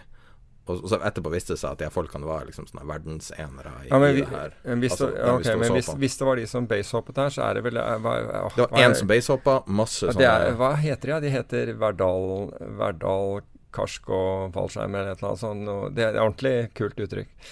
Men uh, navn på den gjengen uh, Nei, det her var amerikanere. det er- nei, Og dette er NTNU-folk. I hvert fall Hans kommer utlendinger, derfra. Og okay. um, det var egentlig bare utlendinger. Verdal Base og Karsk, tror jeg det heter. Ja, ja, Verdal. Nei, jeg, bare, jeg hadde bare lyst til å Jeg hadde ikke fortalt deg om at jeg hadde vært der. Eh, og, men apropos det du sa om telefon, da gjorde jeg et veldig stort poeng av å ikke ta bilde av eh, liksom noe. Det var bare å være in the moment. For det, Ja, ja. var, det var virkelig et stort øyeblikk. Å å, å, bare se noen prestere på noe så ekstreme nivåer. Mm. For meg var det helt uforståelig at han klarte å hive seg utfor der. Ja. Altså Basehopping så ut som det tryggeste. Det er wingsuitene, når de driver og kjørte piruetter nedover. Nei, nå mener du, nå mener du uh, paraglideren, ikke sant? For uh, Altså, de, de Base, som det var en som basehoppa. Uten wingsuit? Ja, Jeg trodde alle brukte wingsuit i dag, jeg. På base. Jeg ikke det. Det nesten Det var én Ja, men er det, et, er det noe sted med ordentlig overheng der, da? Det er et lite et. Okay. ja, Så han, må, han dro med én gang, altså. Ok, da blir sånn Trolleggen, sånn Bruraskar i tre Ja, men det, jeg tror det er mindre. Det er tre, men det var en tre sekunder fra Bruraskaret. Nei, altså, vi trodde jo at han var forsvunnet. For han bare forsvant. Altså, du så ikke, altså, du så ikke over kanten, for det er Ja, ja. vertical drop der. Så det er ikke meninga å være makaber og snakke om det, men det var litt sånn eh, Det kom veldig front of mind når jeg så nyhetene. Ja. Uh, Men det kan jeg love deg. Men vi de- så jo folk fly rett over kabelen, Ja, så jeg skjønner jo hvordan det kunne skje. Altså. De som eh, Det kan jeg love deg. De som driver med risikosport, de som driver med f.eks. fjellklatring, fallskjermhopping, basehopping, den type ting. Du lurer ikke på mobiltelefonen og tenker på, på det da. altså. Da skal jeg love deg karen lurte veldig på det. Da skal jeg love deg You are in the moment. Til de grader er du i. Ja. I hvert fall Ja, hvert fall hvis du er litt redd. Som, Alle som- hadde jo på seg. GoPro-kamera, så litt, tenker jeg. Jo, men det er liksom du, Den slås på, men i det øyeblikket du går da, så er du konsentrert. Altså. Da er du Men det er Ja. Det var en som hadde sånn Batman-dress, og han brukte Ja, det er wingsuit. Ja, og han Mm. brukte så Altså, men han hadde, så ut som Batman, liksom. Ja, ja. Og han brukte så lang tid, og for hver Det så nesten ut som han sto og tvilte. Han sto sikkert og tenkte på vindforhold, skal jeg tro, men, Kan være. ja men det var veldig, veldig ubehagelig å stå der romanen i ti minutter. Men, men altså, nå har jeg aldri hoppet med wingsuit, fordi, men, men altså, det jeg ser av det, det er at du, du faller ikke langt før den, den fyller seg og liksom det, det stopper. Mens når du basehopper Altså, jeg er jo basehopper i olabukse og T-skjorte. Da, da går det fort ned. altså for, Fort nedover idet du, i det du slipper taket. Men hva føler du idet du tar steget over? Første gangen Aller første, aller første gangen, det var fra, fra Auburn-broen i, eh, utenfor Sacramento. Hvor høyt er det? Eh, 720 fot. Så det er litt høyt, i hvert fall. Ja, altså det føles ikke ja, altså Det er klart når du ser ned der du er høyderedd, så er det jo alt høyt. Men øh, Men øh, når jeg gikk ut der og måtte klatre over rekkverket, så hadde en bil kjørt forbi. Han kom bakfra, han kom fra Auburn og kjørte forbi meg. Mens jeg gikk ut der, så så jeg bremselysene komme på med en gang. Og da skjønte jeg shit, han, han så at det var en fallskjerm. Tenkte jeg hva gjør nå? Så, så ga han gass, og så kjørte han over broen. Men, så, men det er en ganske lang bro, da, så jeg fortsatte å gå utover. Og så ser jeg han snu på andre siden. Og så kommer han tilbake mot meg. Og idet han passerer, da tenkte jeg nå har han tenkt å stoppe og se på. Det er derfor han øh, gjør det. Men da så han ikke på meg og hadde stor fart. Da visste jeg at han skulle øh, inn og hente politiet. Dette var, liksom før, dette var i 1990, Mm. så det var før liksom, det var helt vanlig med, med håndholdte mobiltelefoner. Eller. Men i hvert fall øh, så hadde jeg en venn av meg som, øh, som sto nede, en amerikaner som sto nede. I en båt? Nei, nei, nei. Det, nei, det, er, det er bare Det sto en kar og gravde gull lenger nedi der. Han, han, ble ganske, han, han, ble, han ble faktisk ganske overraska. Men han så ikke meg på det tidspunktet. Men øhm, Og så var så holdt vi, vi var redd for sånne ting som optiske illusjoner. At du ville hoppe på feil sted. da Så Pat, som han het, han holdt da T-skjorten i sin høyre hånd. Og så lenge han holdt den i høyre hånd, så visste jeg at jeg skulle fortsette å gå, for han, han hadde ansiktet mot meg. Okay. Og så så jeg han ta den ned. Ehm, og da visste jeg at ok, nå er jeg på rette stedet. Og da var det da å klatre over dette rekkverket, og da var det en sånn liten betongkant som jeg sto med, med tærne på, på, på utsiden. Og så holdt jeg Og så skal du da ta ut pilotskjermen din, for den, den var på Altså, jeg hadde jo ikke base rig, jeg hoppet jo med vanlig fallskjerm, sånn som, som jeg hopper fra flyet med. Og så skal du da ta den pilotskjermen, skal du pakke den ordentlig inn i hånden, og så skal du strekke ut armen og passe på at du ikke drar ut pinnen, for det vil være jævlig dumt, for da detter fallskjermen ut av bakken mens du står der. Og det ville være litt dumt. Og så skal du da ta tak i dette rekkverket og klare å snu deg når det er akkurat plass til hælen din der, så du liksom snur på én fot. Og så, og, så, men, og så sto jeg der, og så kikket jeg ned, og da så jeg at Pat hadde lagt T-skjorten flatt på en stein. Og det var Pat var eh, kameramann i Han var sånn first camera assistant i, i, på movieset i, i, Hollywood. Så var det noe han kunne, så var det å ta bilder. Så han la da denne T-skjorten ned, og det, da, når han gjorde det, så visste jeg at da det er kameraet hans klart. Dette var stillbilder, da. Men i hvert fall så så jeg inn, i, inn i, i, mo- mot solen. Og så hadde det akkurat begynt å blåse opp litt. Grann. Jeg hadde hatt en ja, Hva sier du? Er det bra at du blåser? Ja, de, eh, jeg lurte på om jeg ville komme frem da, til denne veien. eh, Fordi det var mye stein der nede. Jeg skulle prøve å komme frem til, til, en, eh, til en sånn grusvei. Og så, fordi det gjaldt å lande på den, fordi jeg hadde skade. Jeg hadde vært i en motorsykkelulykke, så egentlig så gikk jeg på krykker. Og så, og så holdt jeg den der, og så var alt klart der nede. Og så da skal du liksom gå av i omtrent 45 grader. Du, skal, altså, du må ikke gå flatt ut. Da tømler du forover. Da slå, begynner du å slå salto. Så, så slapp jeg rekkverket med, med venstre hånd, som jeg hadde ledig. da. Eh, rekkverket, og så begynte jeg å lene meg, meg fremover. Og så, og idet altså kroppen begynner å lene seg fremover, nå er det point of no return, så husker jeg at jeg, sa I'm fucking nuts. Det var det. Så, når, når, Ja, det bra så hva, hva, hva, ja, men hva tenker du? Så var det akkurat det. Det var det jeg sa. Men Jeg det er jo fint, da. Da har jeg hørt det Ja. som at du var in the moment, at du ikke var livredd. Nei, jeg var jo Altså, jeg er jo redd høyder, jeg. Så jeg nei, jeg var ikke livredd. Altså, på det tidspunktet så er du så fokusert på å gjøre det riktig, for du vet at avspranget er helt Altså, når det er lavt, så må det avspranget siste Altså, du må ikke begynne å turne rundt i lufta, for da kan Altså, hvis du da slipper pilotskjermen, så kan den feste seg i benet ditt eller et eller annet sånt. Da, da går det skikkelig dårlig. Men vi hadde regnet at jeg skulle falle omtrent en under en tredjedel, men jeg var faktisk Jeg falt halvveis ned før jeg hadde åpen skjerm. Så den, den smalt ordentlig opp. Når, eh, så det ble en bra, var en bra dag. Det var en bra dag i oktober, oktober 1990. Men når du har gjort det en gang, Mm. neste gang du gjør det, er det like skummelt da? Ja. Eller er det skumlere da? Nei, ja, på, nei med, med, med, med fallskjermhopping ellers så var det, opplevde jeg det sånn. At det ble Ja, da var det verre med hopp nummer to enn hopp nummer én. For da hopp nummer én visste jeg ikke hva jeg gikk til. Ja. Men basehopping er ikke så forskjellig, annet enn at du Det er mye, mye Ti ganger Altså orders of magnitude farligere. Ja, men du har ikke den vinden å legge deg ut på, ikke sant, som du er vant til fra, fra fly. fordi ut fra et fly så kan du styre kroppen din med en gang pga. hastigheten som flyet har. Men eh, når du basehopper, så er det jo lufttomt. Det er, du bygger opp hastigheten, så det du, jeg hadde ikke noe hjelm eller noe sånt noe på meg. Så det, alt jeg kunne høre, var da vindsuset som akselererte etter hvert som og, Så jeg telte, tellet sekunder. Og jeg, jeg måtte ikke hive pilotskjermen før tre sekunder, og ikke mer enn fem. For jeg hadde pakket eh, fallskjermen med noe som heter slider down, altså for at den skulle åpne veldig fort. Og hvis du lar det gå for lang tid da, så risikerer du at du ryker et eller annet. Og tar det for kort tid, så risikerer du at det, det ikke drar av gårde. At pilotskjermen din ikke får, har nok luft til å dra ut fallskjermen. Men så er jeg på akkurat på, på five, 5000, så hiver jeg den. Og, og som sagt, det, det bråstopper godt. altså. Det gjør det. Har du landa hardt? sant? Har du kjent på ei, ei skikkelig skikkelig hard landing noen gang? Sånn at du har kjent på hvordan det er å Er det krasje Altså, i bakken? Ja, det, jeg hoppet i Forsvaret hvor du hopper med 120 kilo vekt i tillegg til deg selv på. Skal love deg, jeg landet hardt. Jeg landet så hardt at det søkk i, i bakken, og du lå bare på bakken og lurte på I et hull, liksom? Nei, nei ikke, ikke i et hull, men hvor du lå der og lurte på Er det Altså, du, du var ja, du, Uten å knekke benet? ja, heldigvis. Jeg brak, det eneste jeg har brukket i hopping, er ribben, men det var på å lene meg på flydøra oppe i lufta. Da jeg klatret ut. Men øh, nei, det ja, Jeg har landet hardt. Jeg har landet skikkelig hardt. Da gjelder det å ha føttene, føttene samlet, for å si det på den måten. Ja, for jeg tenker, jeg prøver å forestille meg Du må jo på et eller annet vis kjenne Hvis du, hvis du bare ikke utløser og bare treffer bakken, altså Ett millisekund, så må du jo kjenne Jeg tror ikke du kjenner Nei. Du, altså, det, det er jo ikke mulig å vite. Nervesystemet ditt rekker jo ikke å, å, å gi deg den en smerteopplevelse. Det vil jo aldri Det vil jo ikke gi deg. Altså, jeg har jo sett, jeg har sett åtte stykker gå i bakken, tro meg. Altså, det, det er ikke noe altså, Ja.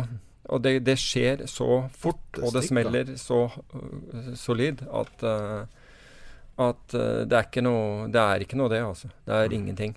Det er, det er ingenting. Det er ikke sjans at Altså, at du kanskje taktilt muligens et nanosekund registrerer at du har, har truffet noe, men noe smerte vil du aldri ha tid til å føle. Mm. Vil aldri nå opp, altså nå fram, rett og slett. Det er ikke snakk om. Det går fort. Det går veldig fort. On, on that uh, positive note nå, nå er vi langt over uh, skjemaet her, så da kan vi ta sånn ett ord Dette var ikke det siste temaet. Ett ordsvar. Vistin er litt mindre in the red. Ja, det så jeg. Og, og for, for første gang Ett år, da. Ja men, for, ja, men får jeg bare si, for første gang så vet vi jo akkurat hva de har handlet. Vi har en, en ting, Det er to ting vi vet.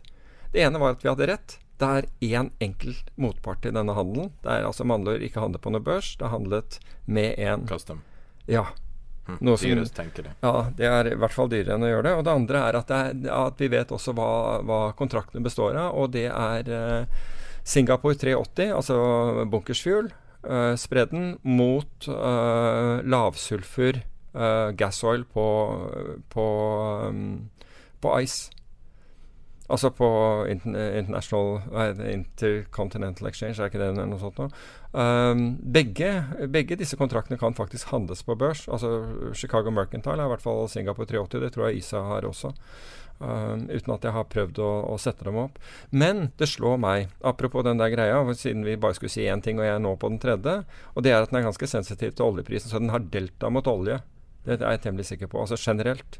Så det er ikke bare sulfurforskjellen mellom disse, som egentlig er IMO 2020. Det er jo å premiere lavsulfur kontra Det blir kostbart å produsere høysulfurolje. Men den, den ser ut Altså Ice, Low Sulfur, Gas Oil og Sing 380. Hva ser du? Ice Ja, low sulfur, low sulfur gas oil mot, mot Sing, som er Singapore 380 CT. Ja. Ja, um, så det er, det er spredd mellom de. Men det slår meg at denne her, altså tatt i betraktning hvor fallet sluttet og begynte å gå bedre, har en, eh, altså har en ganske kraftig delta. Altså en, en eh, er følsom overfor oljeprisen generelt. Så det er ikke bare en spread trade. Eller det, det kan være at det var det man forsøkte å gjøre, men for meg, i hvert fall fra det jeg har sett av dataen, så synes den som den er følsom overfor øh, den generelle oljeprisutviklingen også. Det er jo fint for investorene som fikk seg en helsikes øh, Nedtur og Ja. nå har fått en litt mer opptur. Ja, absolutt. En brøkdel tilbake. absolutt. Og IMO 2020, den, den, den, går etter planen, den, så vi får jo se Jeg så hvordan at dette blir. Bloomberg skrev at eh, det er ikke noe eh, open and shut case i det hele tatt. Den her, en sånn type trade. De refererte til det i en, en annen sammenheng. da Okay. At mange trodde det okay. her var Det er mange som har uttrykt det på, på andre måter også, så jeg tenker på hvis du sammenligner med den, den opsjonstraden du stipulerte nå, hvis man skal gå short alt mulig mellom himmel og jord, mm. eh, og sånn som du strukturerte det, så er det litt det er en rar måte de har strukturert det på. Det virker å være dyrt, men eh, altså det, det er en, altså du kan si at Når du ikke handler noe på børs, men velger å handle det bilateralt mot én motpart, så er du ganske avhengig av den motpartens prising. Og den motparten en, gjør dette av én grunn alene, og det er for å tjene penger på deg. Og slik at Når du er på et børsmarked, så, vil, så kan, du, kan du være heldig å få noen som har motsatte interesser, og dermed så får du ting billig. Men Gjør du det på denne måten her, så vil det ikke, så vil ikke være si like billig å etablere en handel. Det er iallfall sikkert. NMDB, eller IMDb som jeg leser hver gang, og du leser IMDb som NMDB. En, ja. ja jeg sendte Peter en link til IMDb, Internet Movie Database, aha. og han kalte det NMDB. NMDB det er jo denne, denne malaysiske uh, banken uh, som, uh, som hvor, hvor, hvor en kar svindlet Altså både oppretter og svindler og, og svindler malaysiske stat og skattebetalere for betydelige beløp. Men det som er interessant, det siste Og vi har jo snakket om dette tidligere. Det er, det er en interessant Du kan lese en bok om det også. Det er også interessant. Men eh, det som er interessant nå, det er at Goldman ser ut som for første gang ever å måtte eh, erklære seg skyldig i, eh, i, i medvirkning til, til, til denne svindelen. Dvs. Si at Goldman har ikke svindlet, men de har på en måte eh, ikke gjort jobben sin i forhold til å, å, å stanse noe de burde ha forstått var, var galt. I, det, i, i, um, I finanskrisen så slapp de unna med å si at de, de uh, slapp å erklære seg skyldig Mm. uh, mot å betale en vanvittig høy bot. Men nå mener man at, at eh, nå har ikke en sjanse i, denne, i dette. Her kommer amerikanske myndighetene til å forlange at de innrømmer skyld. Mm. Det sagt, så har JP Morgan, Barclays og en hel haug andre eh, både betalt høye bøter og innrømmet skyld, så det er ikke så sikkert at det blir noe verre for, eh, for Goldman annet enn en liten plett på ryktet. Det minner jo veldig mye om mafiaen. som jeg satte deg i stad også. Som der det er en veldig sånn, stor greie at du kan godt gå i fengsel i 20 år. Du må aldri innrømme at mafiaen eksisterer. Det er en sånn kodeks de har. Ja, sånn, ja. At det er liksom det verste kriminelle handlinga du kan gjøre innad i eh, Og eh, kan, uten sammenligning for øvrig. og da er vi straks ferdig. Siste linken i Chromen her, som jeg sendte deg. Fund manager slips into Mumbai manhole and survives to tale the tale. A hedge fund manager is the latest victim of India's crumbling infrastructure. Følte bare at den var veldig symbolsk for bransjen, for finans, for ja, Kanskje India vet jeg ikke så mye om, men La det ikke bli et tegn. Nei. Men da tror jeg vi avslutter den eh, episoden her eh, nummer 50. Det kan igjen oppfordre dere til å joine Facebook-gruppa. Bare søke på 'Tid er penger' på Facebook, så blir til der. Eh, og så skal vi avslutte med en, eh, et intervju vi tok opp med Erik Hansen fra IG Markets når vi var i Stockholm sist. Ha det bra. Eh, CFD er jo litt annerledes enn tradisjonelle aksjer og indekser. Kan du fortelle hvordan det er å handle aksjer long og short hos IG? Mm. Uh, vi erbjuder jo over 10 000 aktier uh, på IG og uh, när man handler aktier hos IG så handler man med en CFD som er da en eh, derivatprodukt der du har et marginkrav. Eh, så vanligtvis så brukar marginkravet ligge på ungefär 10% så att, och, det handler da til samme aktiekurser, aktiepriser som på, på børsen. Men du går in med et litt mindre kapital, drygt 10% beror på lite grann vilken aktie det er. Ju högre volatilitet desto högre marginkrav då. Uh, men uh, och, och, som det fungerar då, det är att du, du handlar precis som du gör hos din traditionella mäklare. Du köper och säljer på, på de priser som finns i marknaden. Uh, och du betalar ett litet courtage. och du har en liten, liten leverage på, på, på din position. Då. Hvordan er det i forhold til long versus short? Er det like lett å gå short som det er long? Ja, i praktiken så er det lika lätt å gå short så lång. Uh, man klickar bara i plattformen på, på sälj istället för köp. Man behöver inte sätta upp några shortingsavtal eller liknande det går väldigt snabbt att bara shorta i, plattformen. Uh, och uh, vi erbjuder då shorting i majoriteten av våra aktier. så att och det här är, vi får in väldigt många kunder just för att de vill kunna shorta vissa aktier som inte finns då shorta hos andra mäklare. Uh, så att vi har väldigt bra uh, kontakt med våra investmentbanker i London som kan fixa uh, aktielån. det kan även vara så att även om det inte finns ett aktielån i marknaden så kan vi lösa shortingen internt. Då. Det kan vara att väldigt många kunder ligger positionerade uppgång i aktien. Då. Så att vi nettar det grann med att erbjuda shorting i aktien. Det är oftast väldigt låga aktielåneräntor och avgifter för att shorta.